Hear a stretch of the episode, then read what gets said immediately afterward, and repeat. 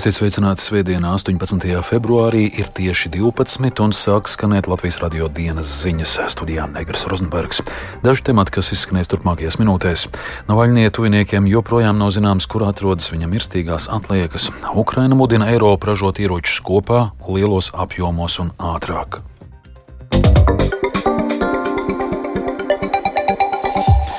Ieslodzījumā mirušā Krievijas opozīcijas līdera Aleksēna Navaļnie tuvinieki un sabiedrotie aizvien nezina, kur atrodas viņa mirstīgās atliekas, jo varas iestādes to slēpj. Neskaidri ir arī Navaļnie nāvis iemesli, bet kāda cilvēktiesība organizācija apgalvo, ka dažas dienas pirms opozicionāra nāvis ieslodzījuma vietu apmeklējuši federālā drošības dienesta darbinieki. Navaļnie piemiņas pasākumos visā Krievijā policija arestējusi vairāk nekā 400 cilvēkus, ziņo nevalstiskā organizācija OVD Info. Bet vairāk stāsta Uldis Ķēs. Kaspers.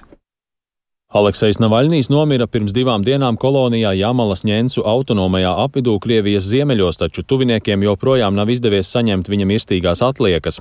Navaļnija māte un advokāts vakar ieradās ieslodzījuma vietā, taču tur viņiem apgalvoja, ka Navaļnija līķis ir nogādāts morgā Saļehardas pilsētā. Taču, kad Ludmila Navaļnija un advokāts Leonīts Solovjovs ieradās norādītajā morgā, tas izrādījās slēgts, bet sazvanītais iestādes darbinieks apgalvoja, ka Navaļnija līķis tur neatrodas, pastāstīja politiķa preses sekretāre Kīra Jārmiša. Cietumā meloja, ka līķis atrodas Saļehārdas morgā, tāpēc mums nav ne jausmas, kur tas atrodas, kas ar to notika un kad to atdos ģimenei. Mēs pieprasām Krievijas varas iestādēm nekavējoties atdot Aleksēja mirstīgās atliekas viņa ģimenei. Visiem ir jāsaprot, ka Vladimirs Putins personīgi pavēlēja nogalināt Aleksēju Navaļniju, un viņam par to ir jāuzņemas atbildība. Uh,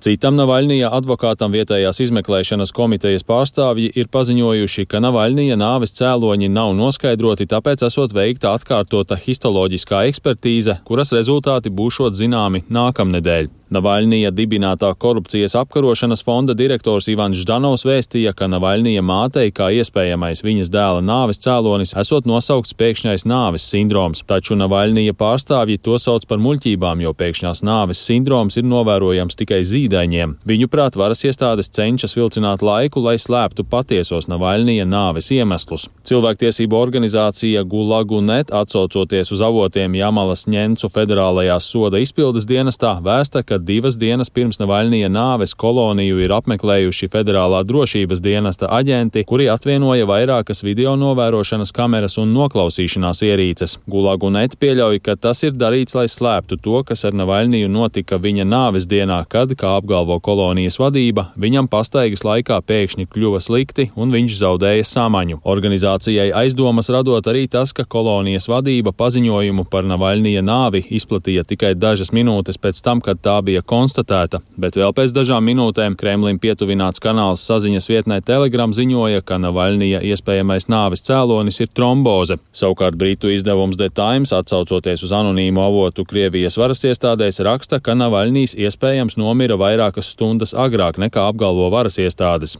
Arī vakar visā Krievijā cilvēki pie pieminekļiem politisko represiju upuriem novietoja Navaļnija portretus, ziedus un sveces. Daudzviet policija centās to nepieļaut, piemēram, norobežojot pieminekļus. Tos, kuri nepakļāvās varas iestāžu mēģinājumiem izjaukt piemiņas pasākumus, arestēja. Uldis Česberis, Latvijas radio. Rietumos ir politiskā grība militāro industriju padarīt ātrāk un ražot vairāk, taču šai gribai jāpārvēršas darbos. To Minhenes drošības konferencē uzsvērs Ukrainas ārlietu ministrs Dmitro Kuleba. Viņš skaidroja, ka situācija ar munīcijas daudzumu Ukrainā ir slikta un tas nav politisks novērtējums, bet gan ziņas, ko Ukrainas amatpersonas saņem no frontes. Viņš mudināja Eiropu ražot ieročus kopā lielos apjomos, domāt par to savietojamību, lai frontē tos uzreiz varētu izmantot un darīt to visu ātrāk. None of the national defense industries in Europe can cope with the challenge on its own. Neviena nacionālā aizsardzības industrija Eiropā nespēja tikt galā ar izaicinājumu viena pati. Mēs kolektīvi būsim pārāki, ja strādāsim kā viens vesels. Un mēs esam spēcīgi, mums ir kapacitāte. 1944. gadā anti-Hitlera koalīcija sastāvēja no 44 valstīm. 2024. gadā Ramšteinas koalīcija sastāv no 54 valstīm. Mēs esam daudz spēcīgāki un varam to paveikt. Es redzu politisko gribu to paveikt, bet tai jāpārvēršas darbos. Tātad kopēja ieroču ražošana, tehniskā savietojamība un lieli apjomi. Tā ir atbilde. Un mums tur jānonāk ātri, ja vēlamies novērst kara izplešanos. If we all want to win and prevent further spillover of the war. Rīgas doma meža parkā plāno būvēt sākuma skolu. Galvaspilsētā tā būs pirmā jaunā skola kopš neatkarības atjaunošanas. Projekts varētu izmaksāt 13,5 miljonus eiro, kurus pašvaldība šogad cer aizņemties no valsts. Pat labam Latvijā skolu reformu laikā daudzas izglītības iestādes slēdz un apvieno. Vai Latvijā ir vēl kāda vieta, kur vajadzīga jauna skola, plašāk Viktora Demīdova ierakstā. Sākuma skolu meža parkā pašvaldība iecerējusi būvēt sudrabu eģus ielas un kokneses prospekta stūrī. Divu stāvu ēkā no 1. līdz 6. klasē varētu mācīties ap 470 bērnu, kurus apmācītu pussimt pedagogu. Jaunajās telpās varētu pārvākties 45. vidusskolas meža parka filiāles skolēni un personāls. Stāsta Rīgas vicemērs Edvards Ratnieks no Nacionālās apvienības Latvijas reģiona apvienības kopīgā saraksta. Jugla teika, čiekurkalns, meža parks, tāpat arī dārziņi, bieriņi, tās latviskās apkaimes, kur ir ļoti liela nepieciešamība pēc izglītības pakalpojumu. Šajās vietās ļoti ātri piepildās skolas un nepieciešamas papildus vietas. Savukārt meža parka projekts jau ir vairākus gadus izstrādāts un ir gaidījis atvilknē savu kārtu. Diemžēl tā Lībijas skoliņa vairs nav. Nu, ja mēs viņu remontētu, tāpat mēs nevarētu nodrošināt šo pakalpojumu nepieciešamību tiem bērniem, kam ir nepieciešama izglītības pakalpojums. Pārāk maz vietas tur ir. Un arī tā infrastruktūra ir tik ļoti nolaista, ka diez vai saprātīgi būtu šobrīd to remontēt. Pašvaldības ieceri atzinīgi vērtē meža parka attīstības biedrībā, taču vienlaikus domas iecere radot bažas. Pat laban sudrabu eģus ielas un kokneses prospekta stūrī ir ierīkoti pašvaldības mazdārziņi, kurus vasarā izmanto līdz pat simt vietējo ģimeņu. Tā norāda biedrības vadītājs Kaspars Gailītis. Mums ir kļuvis zināms, ka burtiski pirms pāris dienām Rīgas doma ir ieguvusi no valsts tepat netālu esošo tā saucamo saules dārza teritoriju, kas atrodas pie paša ķīša ezera. Un mēs plānojam neskatoties uz to, ka ir, protams, um, gatavs skolas projekts, un mēs to saprotam. Un šī stadija ir tāda vēlīna, bet mēs plānojam palūgt Rīgas domu izvērtēt, vai šo skolas būvniecības ieceri nebūtu iespējams realizēt šajā te saules dārza teritorijā. Tādējādi iespējams tad, uh, saglabāt ģimenes dārziņus tur, kur viņi šobrīd ir Ja tomēr doma skolu būvēs izraudzītajā teritorijā, apkaimes iedzīvotāji lūdz pašvaldībai mazdārziņiem nodrošināt citu vietu meža parkā. Taču vicemērs Ratnieks norāda, ka Rīgā ir daudz citu vietu, kur iedzīvotāji var kaut ko audzēt, liekot noprast, ka meža parkā mazdārziņu turpmāk var arī nebūt.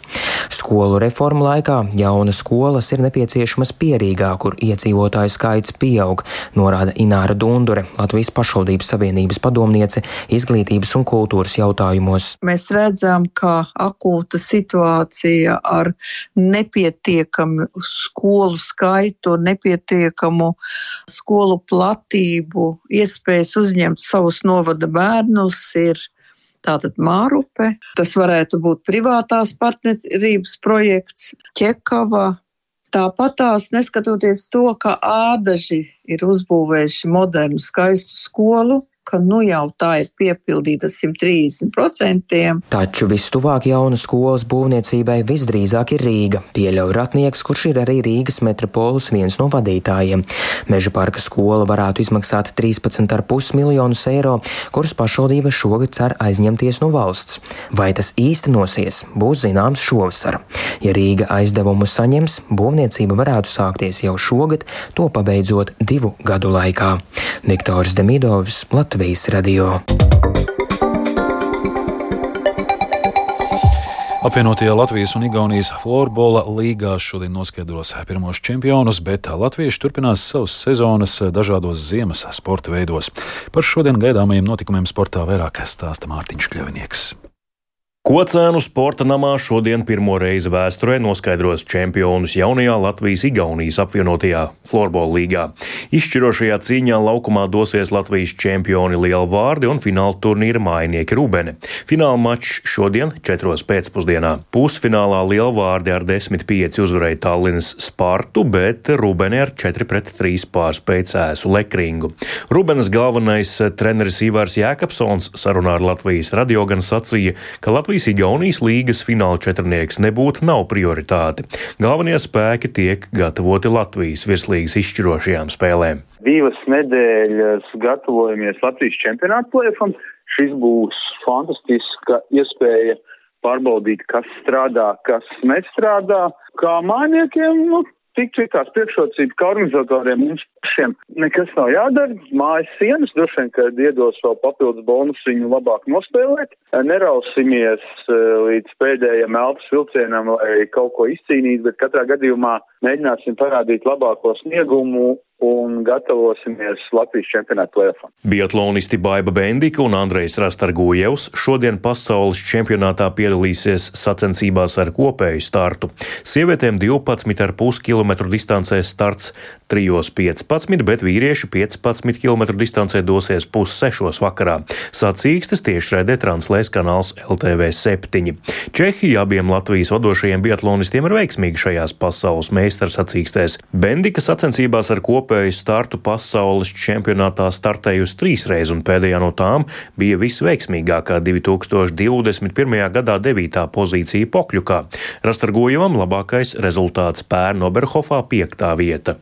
Bobsleja pilotu Emīla Cipuļa un Jēkaba Kalendas četrnieku ekipāžas šodien Altenbergas trasē sacensties pasaules kausa septītajā posmā.